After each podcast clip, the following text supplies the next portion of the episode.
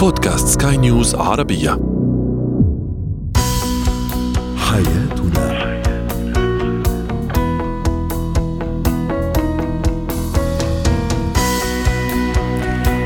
مستمعينا الكرام أهلا بكم معنا إلى حياتنا فضاؤكم اليومي الذي يعنى بشؤون الأسرة وباقي الشؤون الحياتية الأخرى.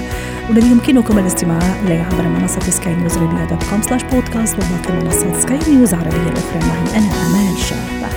نتحدث اليوم عن كثرة اللوم بين الزوجين وما يجلب هذا اللوم الكثير من مشاكل أسرية. أيضا طفلي يتهرب من حل واجباته المدرسية كيف أتعامل مع هذه المشكلة؟ أخيرا إذا ما أردت أن أتخذ قرارا مصيريا في حياتي ما هي الخطوات التي تجعلني أتأكد من أنه كذلك أو أنني اتخذت القرار الصحيح؟ هو وهي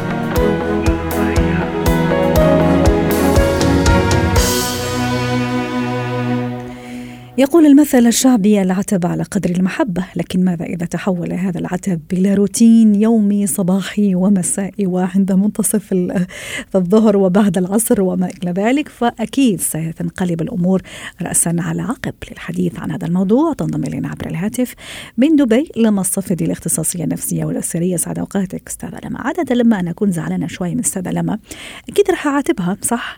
لكن ماذا إذا تكرر هذا العتاب يوميا أستاذة لما؟ وبين الزوجين أيضا. ما الذي سيحدث؟ أكيد هو بداية النهاية لأنه هي المشكلة هي تعتبر من أكثر المشاكل شيوعا في العلاقات الزوجية.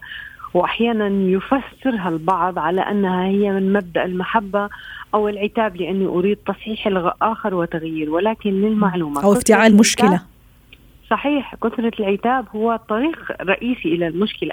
حتى في العتاب ما بين الأزواج أو آه طرح المشاكل. هناك اتيكيت. مفهوم الاتيكيت عندنا بأنه هو الأشياء فقط اللي هي تخضع للأشياء رسميه لا مفهوم الاتيكيت حتى يندرج في العلاقة الزوجية. لأنه صحيح. المفروض كل تصرف وردة فعل أن يراعى إلى أين نحن نذهب بها. أحيانا كلمة تهدم أسرة. فبالتالي الموضوع يستحق الاهتمام. لكن أحيانا أستاذة لما خاصة لما تسألي الزوجات مثلا تقول لك ما عندي طريقة أنا غير إني ألوم. ما لقيت طريقة أخرى؟ حاورت تحدثت تجاهلت طنشت كبرت دماغي لكن في النهاية لا أجد طريقة إلا إني ألوم. لكن المشكلة كيف ألوم؟ أتصور هون هون مربط الفرس. وأيضا بالنسبة للزوج وإن كان وإن كان أقل عفوا. حين يقول لك أنا يعني حاولت أني أتحدث معها أني ألفت نظرها لكن في النهاية لا حياة لمن تنادي. فما هو الحل في هذه الحالة إذا لا ألوم؟ يعني إيش البديل؟ اولا هناك معلومة يمكن كثير من الأشخاص بيفتقدوها بأنه الشخص كثير اللوم على الآخر. هو شخص نفسه يفتقد إلى الثقه بالنفس وهي يمكن معلومة يتفاجأ بها الكثيرون الذين يلومون دائما دائما دائما. لأنه فكرة اللوم المستمر هي عبارة عن أسلوب أنا أعتبر بأني لا أمتلك كل الثقة بنفسي للجلوس بطريقة وحوار منطقي. الفكرة باللوم بأنه مستحيل أن يأتي هذا الأسلوب وأن يأتي بنتائج إيجابية، بأغلب الأحيان بيكون السيناريو المقترح هو هروب الزوج وعدم رجوعه إلى المنزل. صح. النقطة الثانية بأنه هو يعامل زوجته على أساس بأنه هي قليلة التفكير، فيقوم بتلبية هذه الطلبات ولكن يصبح هناك هجران على أرض الواقع. النقطة الثالثة يبدأ بالبحث عن بديل. هذا البديل اللي هو ممكن تكون زوجة جديدة علاقات جديدة مكان هو يعتقد بأنه أنا هنا رأسي هادئ من اللوم. لذلك يمكن هي رسالة اليوم لكل زوجة تتبع هذا الأسلوب. أو ربما العكس أحيانا حتى الأزواج يلومون زوجاتهم على التقصير في المنزل تربية الأطفال تدريس الأطفال. اللوم هو أسلوب لا يأتي أبدا بنتيجة. لماذا؟ لأنه أنا عندما ألوم الشخص الآخر فبالتالي أنا أقلل من قيمته. النقطة الثانية أنا أمنع من أنه هو يقوم بالتطور وتغيير سلوك. بالعكس أحيانا يكون الموضوع عناد فهو يستمر ويزيد. النقطة الثالثة الملامة هي أبدا هو أسلوب مهدم للشخصية لأنه أنا عندما أظهر فقط نقاط الضعف للآخر فبالتالي أنا أوجه رسالة له بأني أنا أراك فقط شخص مخطئ. مع الوقت الحب يقل الاحترام يقل تصبح العلاقة ند بند أنت أخطأت فأنت أخطأت. طيب خلينا نتفق إنه نحيد مصطلح حول كلمة لوم. طيب إذا حابة أعطي أنا ملاحظة سواء على شيء معين تصرف معين سلوك معين مني أنا كزوجة لزوجي أو من زوجي لإلي كزوجة أيضا. هل في طرق زي ما تفضلتي في البداية هل في اتيكيت معين أنا أستخدمه حتى أوجه ملاحظة بعيدا عن اللوم؟ صحيح. أول فكرة هي أنه لا يكون اللوم 24 ساعة كما تفضلتي بأنه صباحا وظهرا ومساء وقبل النوم. ممكن نختار وقت وهو لا يكون بعد عودة الشريك من العمل أو لحظة الانتهاء مباشرة لأنه يكون بحالة جسدية متعب آه، جدا يؤثر. فنختار وقت هو يعني يستطيع فيه التحاور أو الكلام وأقوم بطرح هو أو هي لأنه الحديث عن عن الشريك عن اثنينهم. جميل. صحيح. فبالتالي أقوم بطرح الموضوع. النقطة الثانية دائما هي نصحتها نصيحة بأنه لو قررنا مثلا أنا أريد تغيير صفة موجودة في الآخر لا أقوم أحيانا بطرح الموضوع مباشرة وكأنه هو يعني استخدم أسلوب القصص. بأنه مثلا زوج صديقتي يسو مثلا يقوم بهذا الفعل ولكن غيروا مع الوقت. أعطي أمثلة بعيدة لأنه في بعض الأشخاص دائما أكثر ما يزعجهم الأنا. أن أوجه ملاحظة مباشرة إلى شخصيته والإزعاج الأكبر والأكثر والإحراج أستاذة لما إذا اكتشفت أنه لا أنا مخطئة ما كان لازم ألوم صحيح. يعني قديش مهم أيضا إني أتمهل قبل ما أعاتب الشريك صحيح. زوج أو صحيح. زوجة أحيانا يعني يكون عندي تفسير معين أنا كامل مع نفسي لكن يتضح أنه لا أنا حرام ظلمت لهذا الزوجة ولا لهذا الزوجة صحيح. فهي إنه إحنا المفروض ناخذ وقتنا في التفكير قبل طرح الموضوع. البحث عن صيغة تكون مناسبة حتى لو كان خطأ ما يكون مدمر. يعني أعطيكي مثال حتى لو مثلا أنا كان عندي موضوع بلوم عليه فرضا الزوج أو الزوجه بلوم مثلا تقصير في مهام المنزل. فأنا لو اطرح من مبدأ بإنه أنت تساعد وأنت أنا أدري إنه متعب ولكن لدينا هذا الموضوع نحتاج إلى إصلاحه. فبالتالي هون تكون الصيغة أخف. حتى لو مثلا أنا لمت بطريقة مؤذية ربما لاحقا لن أندم على طريقة الإيصال. بعدين مع الملامة دائما استخدموا تعزيز إيجابي. آه. يعني الكبار هم أيضا مثل الأطفال. صحيح. يعني أنا عندما ألوم مثلا زوجتي وأنا شاهدت تقصير من زوجتي على تدريس أبنائها لا أقوم بتوجيه الملاحظة مباشرة. انت مقصرة. أقول لا انت تتعبي خلال اليوم. عافاك الله. انت وأنا أرى جهدك. ولكن يا حبذا لو كان هناك ساعة زيادة للأطفال في مجال التدريب. وحتى أيضا زي ما تفضلتي البادي لانجوج اللي هو مثلا نبرة الصوت الهادئة. بالنسبة للسيدة نحكي لأنه ممكن هي أكثر واحد يعني يوجه له الانتقاد أنه هو هي كثيرة اللوم. الصوت الهادئ ممكن حتى نظرة معينة اللي هي نظرة الحزينة اللي ممكن راح يعني تخلي الشريك الآخر يتفاعل. حتى نختم ست لما في أقل من عشر ثواني. آه، اللوم هو عبارة كلنا في يوم من العادي أحيانا نخرج عن السيطرة وممكن فعلا أن نوجه ملام للآخرين ولكن عدوا للعشرة كما نقول دائما واختاروا كلماتكم في عناية لأنه الكلمة عندما تصل للآخر لا نستطيع إرجاعها دائما صحيح. صحيح. وأحيانا تترك أثر يعني في بعض الزوجات تتذكر كلمة سمعتها من زوجها من خمس سنوات والعكس صحيح. من 15 سنة حتى. من 15 سنة. فأحيانا بعض الكلمات جارحة ومؤذية صحيح. وتشعر الإنسان بأنه لن ينجح بأي شيء في الحياة. فاختاروا كلماتكم بعناية شكرا لك سعدتيني اليوم أستاذة لما صفتي بهذه المشاركة. كنت معنا من دبي.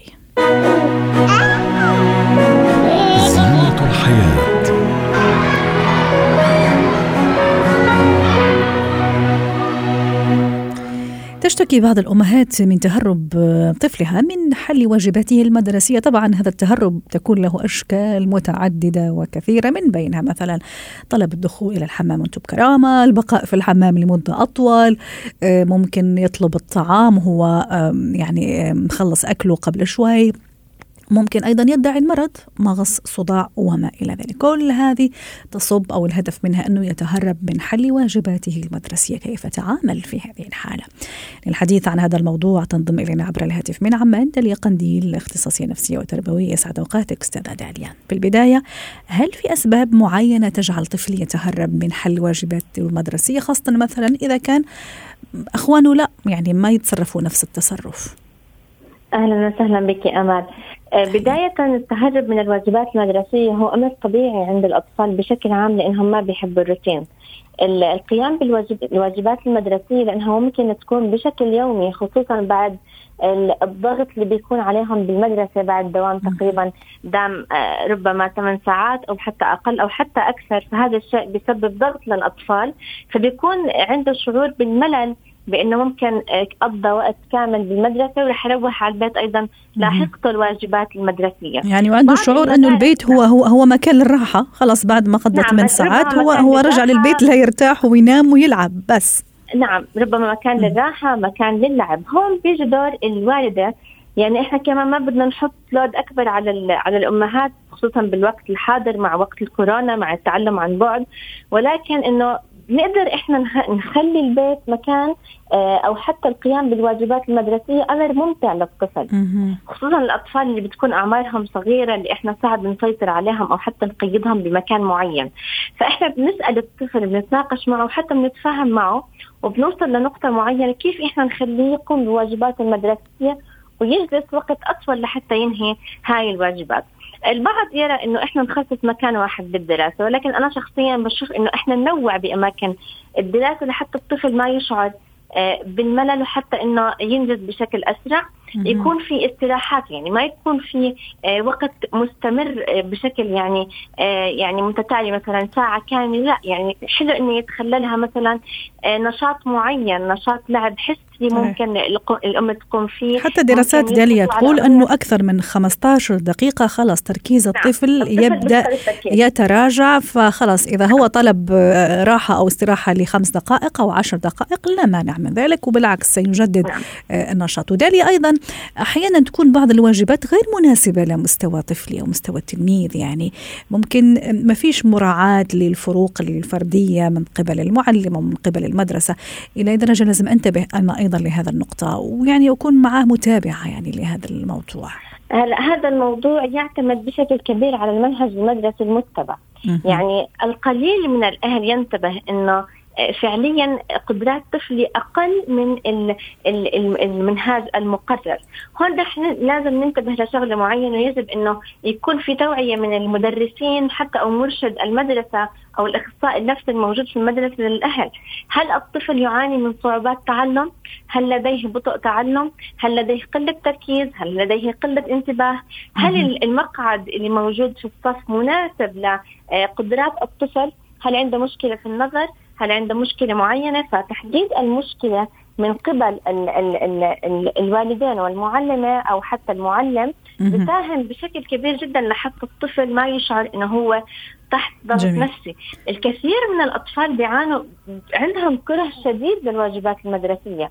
يعني هو عم بياخذ تلقين بالمدرسة وما في مثلا استراحات. وبالبيت نفس الشيء بيجي إنه بتكون الأم عندها أكثر من طفل مثلا. آه، بيكون عليها ضغط بتخلص واحد لواحد تخلص الثاني وتخلص هون إحنا بنكون كثير مهم إنه إحنا نعلم الطفل الاستقلاليه، فإحنا كيف ممكن نتعامل بهاي الطريقة؟ إنه إذا كان عندنا عدة أطفال عندهم آه، واجبات مدرسية وكان إنه متفاوتين بالأعمار ممكن نخلي الأخ الأكبر يدرس الأخ الأصغر. عفوا. وهكذا. ونقوم إحنا مثلا الأخ الأكبر إنه نخليه يقوم بالواجبات اللي, اللي, اللي ما تحتاج وقت طويل أو حتى مهام كبيرة جدا أو حتى وقت آه، كبير جدا من من الأم. بس يعني هذا ما راح يكون كمان في مسؤولية على الأخ الأكبر. طيب هو كمان عنده واجبات لازم نعم. لازم يحلها يقوم يعني. بواجباته. نعم يقوم بواجباته ولكن إحنا ممكن نخليها بشكل لعب. إنه هو يمارس دور المعلم وأخوه دور الطالب. يعني الموضوع يحتاج إلى إنه إحنا آه يعني يكون عندنا مهارات معينة آه نستخدمها مع أطفالنا حتى ما يملوا. لأنه فعليا آه خصوصا هلأ بوقتنا الحاضر مع يعني الحظر حظر التجول خارج المنازل إنه صعب ناخذ أطفالنا يختلطوا مع أطفال آخرين بسبب وجود كورونا. فممكن إحنا نخلي جو المنزل يعني نوعا ما يخفف من هاي من هذا العبء اللي أصلا صار على اطفالنا طيب آه، داليا أيضا ربما الخطأ اللي تقع فيه بعض الأمهات وحتى أولياء الأمور يعني اللي يتولوا مهمة تدريس الطفل في في المدرسة في عفوا في البيت إلقاء اللوم والتأنيب والمدري إيش لما آه، يوقع في خطأ أو حتى المقارنة بينه وبين أخوه اللي خلص الواجب المدرسي في عشر دقائق وهو ممكن صار له 20 دقيقة أو نصف ساعة ولسه ما خلص الواجب المدرسي. نعم. هل أنا أضر طفلي بهذه الطريقة وأخليه نعم. يتهرب أكثر وأكثر؟ نعم. هلا هذا الشيء بضر بضر من, من كثير من الجوانب. أولها الطفل بيفقد ثقته بنفسه. الشيء الثاني أنا بعتقد أنه الوالدين يجب أن يكون عندهم الوعي الكافي بأنه مراعاة الطفل الأول مش نفس الطفل الثاني الطفل الثاني مش نفس آه، الطفل الثالث الذكر مش مثل الأنثى. فكل ما كان في وعي من قبل الوالدين بعض الأهل بيعتقدوا إنه بهاي الطريقة لما أنا أستفز الطفل رح يخرج أكثر ما فيه. ممكن يطلع إشي منيح ممكن يجيب علامة كاملة ولكن ما يكون عنده الرضا الداخلي. يعني يكون هو مش مستمتع بالإشي اللي بيعمله. وهو ما عم ينافس نفسه هو عم ينافس عفوا عم نعم. ينافس. شيء خارجي أخوه أو ابن عمه أو ابن خالته يعني. يعني التحفيز هذا الداخلي هو المهم هو اللي يخليك تعطي أكثر. عم نختم نعم. داليا. تفضلي. نعم بس هو ممكن ما يكون منافسة ممكن يكون خوف من العقاب صح. صحيح وهذا الشيء وهذا الشيء أصلا مخيف واللي ممكن يأثر على الطفل لما يوصل لسن المراهقة آه، بالختام يعني أنا بشدد على أهمية إنه يكون عندنا وعي وثقافة كافية بأنه أطفالنا داخل الصف متفاوتين بالقدرات وخارج الصف أيضا متفاوتين بالقدرات عدم مقارنة الطفل بآخر مقارنته بنفسه كيف كان سابقا جميل. وكيف رح يكون لاحقا. هذه أهم نقطة. شكرا لك داليا قنديل الاختصاصية النفسية والتربوية ضيفتنا من عمان. مهارات الحياة.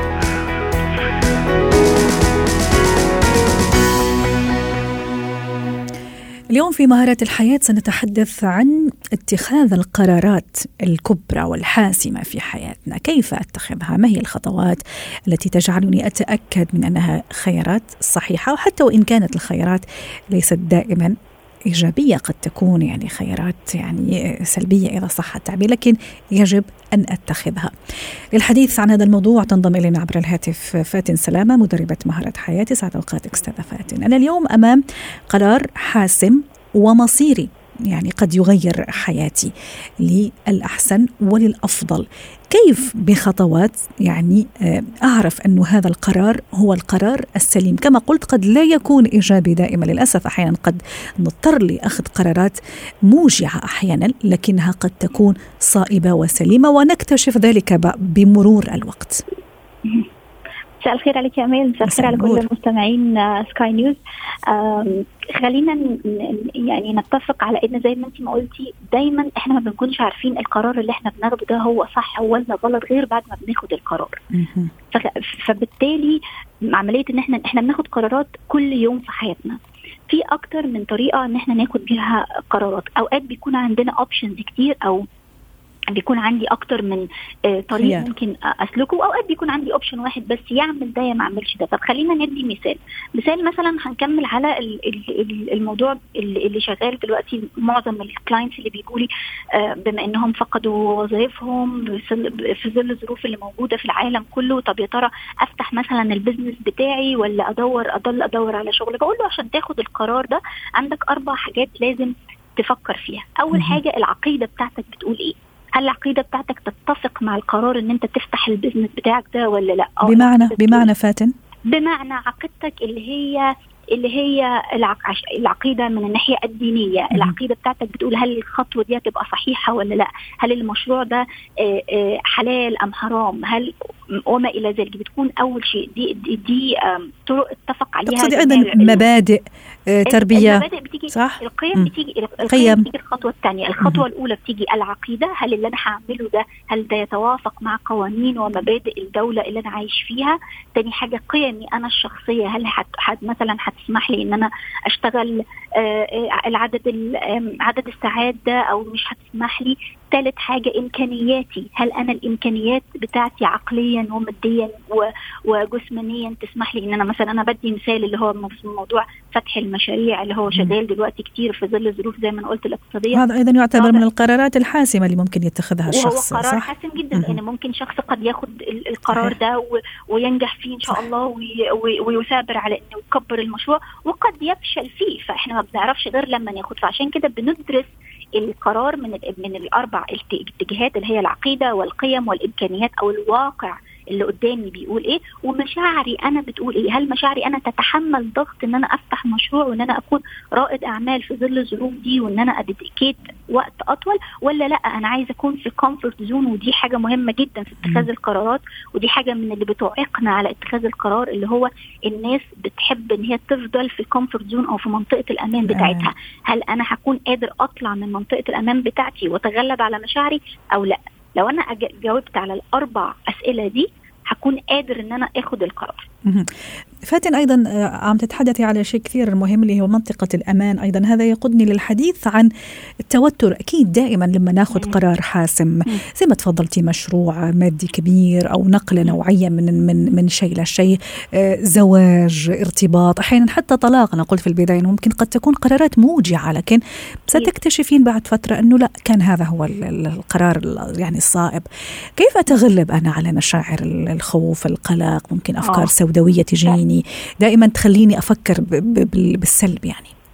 آه هي هي من ال من من الأسباب من من أهم الأسباب اللي بتعيقنا إن إحنا ناخد ناخد قرار هو البرمجة الذاتية من من حاجة حصلت في الماضي سواء حصلت لي أنا كفاتن أو حصلت لأمال صاحبتي فأنا عارفة إن هي خدت الخطوة دي وعارفة إن هي مثلا لا قدر الله فشلت فيها فأنا خايفة إن أنا يصيبني نفس ما أصابها.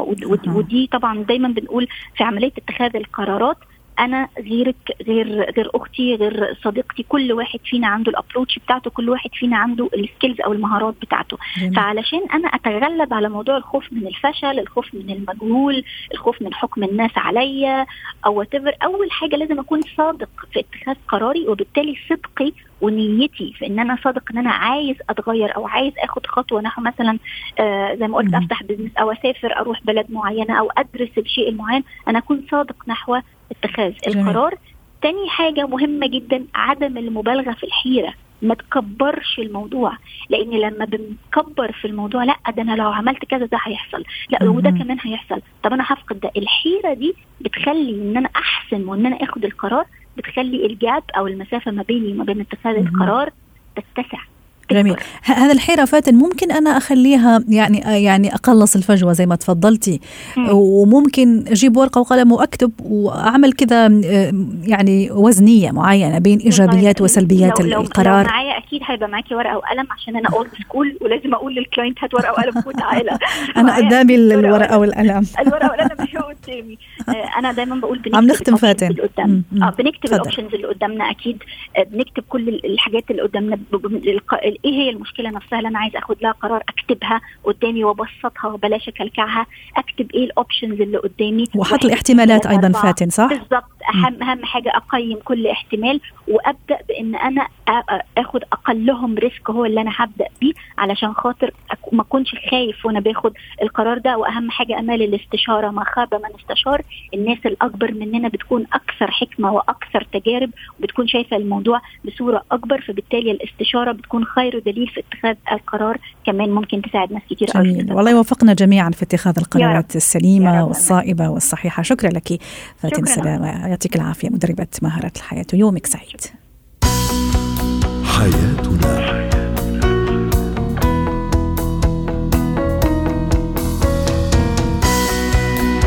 ختام برنامج حياتنا. شكرا لكم والى اللقاء.